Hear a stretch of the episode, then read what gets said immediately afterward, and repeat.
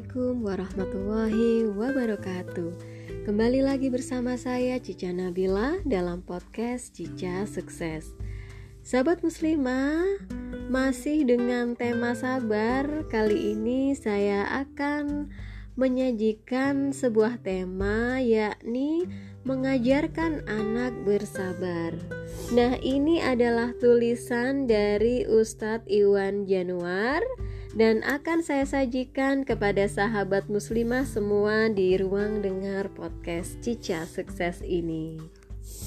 Nah, sahabat muslimah, seberapa sering Anda ketika sedang mengantri tiba-tiba ada orang yang datang menyelak antrian?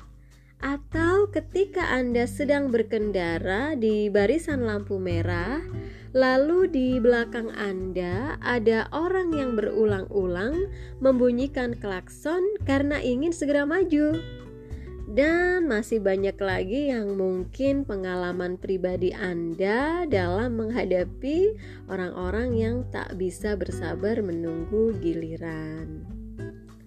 Sahabat muslimah, hari ini di tengah krisis multidimensi di negeri ini, masyarakat juga mengalami krisis kesabaran.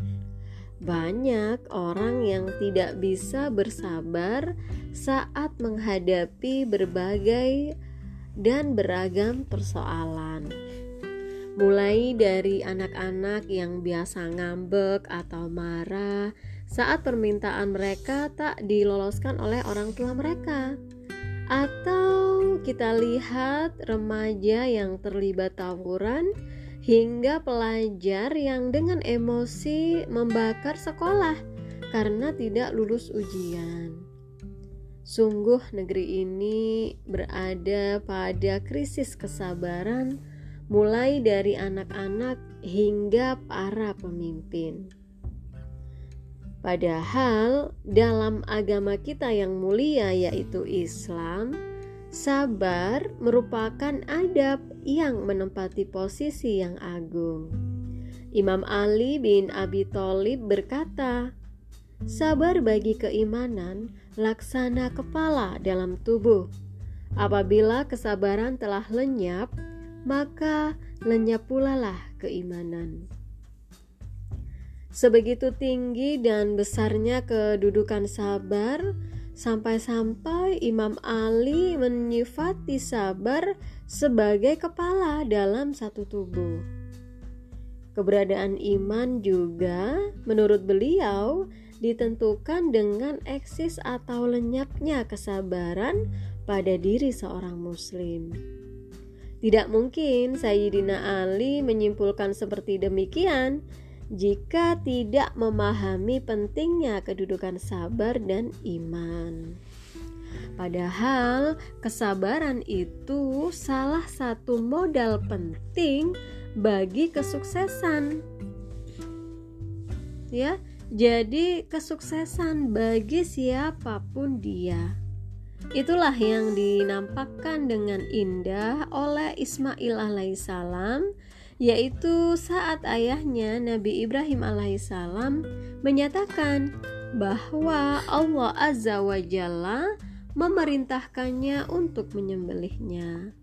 Hal ini diabadikan oleh Allah Subhanahu wa taala dalam Quran surat As-Saffat ayat 102 yang artinya Wahai ayahku, kerjakanlah apa yang diperintahkan kepadamu.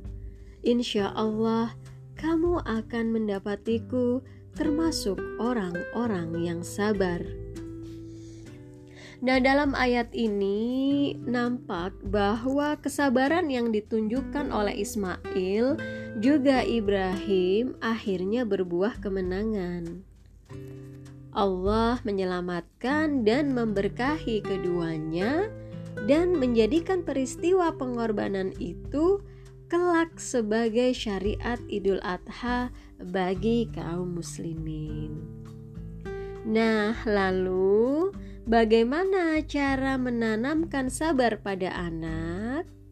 Maka di sini menanamkan perilaku sabar pada anak-anak itu tidaklah instan, tidak muncul secara tiba-tiba. Ia datang dari serangkaian pemahaman yang didapat dari proses pendidikan dan pengalaman.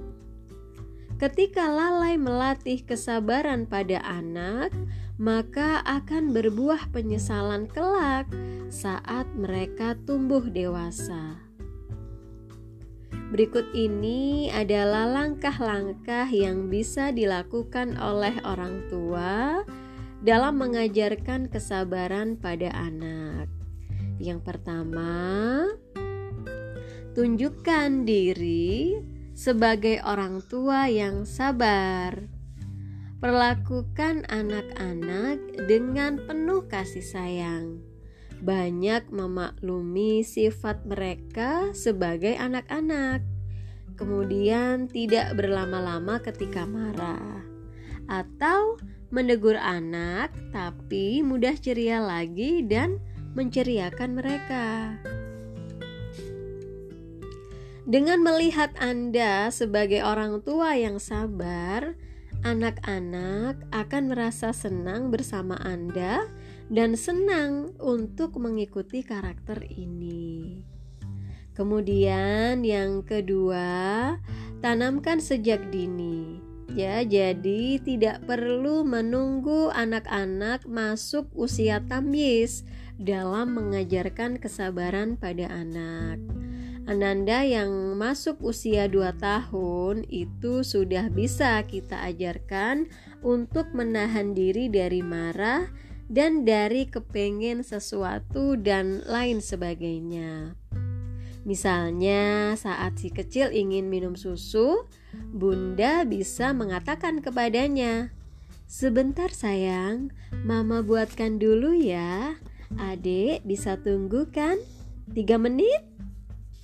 Nah, kecuali untuk sesuatu yang urgen dan mendesak seperti lapar, haus, pup, maka orang tua di sini harus bergegas dalam memenuhi permintaannya. Karena ini adalah menyangkut kebutuhan fisik, ya. Kemudian yang ketiga, memberitahukan bahwa uh, memberitahukan kepada anak tenggat waktu dan menepati janji kepadanya. Misalnya, Umi, aku pengen coklat. Ketika si kecil mulai merengek, penting bagi orang tua memberitahu kapan permintaannya akan diberikan. Misalnya, ayah bunda membuat aturan Kue coklat tidak diberikan pada malam hari menjelang tidur. Maka katakan kepada anak kalau kue itu akan diberikan besok pagi. Atau ketika itu ayah atau bunda sedang mengerjakan sesuatu yang penting, maka sampaikan kepada anak kalau kue coklat akan diberikan kalau pekerjaan ayah atau bunda selesai. Misalnya, sebentar ya sayang, Umi cuci piring dulu. Sebentar lagi selesai kok. Nanti adek boleh pilih kuenya. Nah, setelah itu, orang tua tentu wajib memenuhi janji yang telah dibuat. Bila tidak memenuhi, maka itu terkategori perbuatan dosa karena termasuk ingkar janji. Nah, kemudian cara yang keempat, mengajarkan memahami proses. Nah, sahabat muslimah, kadangkala anak tidak sabar saat mengerjakan sesuatu seperti menyusun balok, mewarnai, dan lain sebagainya. Maka, ayah bunda harus mengajarkan Ananda untuk bersabar dalam proses mengerjakan sesuatu. Dampingi dan bantu perlahan pekerjaannya, diiringi kalimat memotivasi dan kegembiraan. Saat ayah, e, bunda uh, saat pekerjaan selesai, uh, ayah bunda bisa berkata kepadanya, "Nah, kalau kita sabar dan berusaha, lama-lama juga selesai kok, iya kan?" Nah, kemudian cara yang kelima, orang tua tidak mengalah pada keinginan yang tidak penting. Di antara penyebab kegagalan orang tua menanamkan adab sabar pada anak adalah karena orang tua sendiri tidak bisa bersabar dalam menghadapi rengekan anak. Banyak orang tua yang menyerah ketika mendengar tangisan atau amukan anak. Ayah bunda, pahamilah bahwa anak menggunakan nalurinya untuk memaksa orang tua untuk menuruti keinginannya. Kalau tidak menangis ya dengan mengamuk. Maka di sini kesabaran orang tua adalah kunci dalam melatih anak untuk bersabar. Caranya tidak mengalah pada keinginan mereka. Diamkan, beri penjelasan mengapa keinginannya tidak dipenuhi. Insya Allah, rengekan atau amukannya akan mereda. Nah, jika Anda berpikir kasihan atau tak tahan dengan rengekan atau amukan anak, lalu menuruti setiap keinginan mereka, maka bersiaplah untuk menghadapi berbagai tuntutan mereka kelak saat mereka dewasa, dan itu tidaklah menyenangkan. Nah, sahabat muslimah, demikian adalah trik atau cara-cara menanamkan kesabaran pada diri anak. Semoga bermanfaat. Saya akhiri billahi taufik wal hidayah. Wassalamualaikum warahmatullahi wabarakatuh.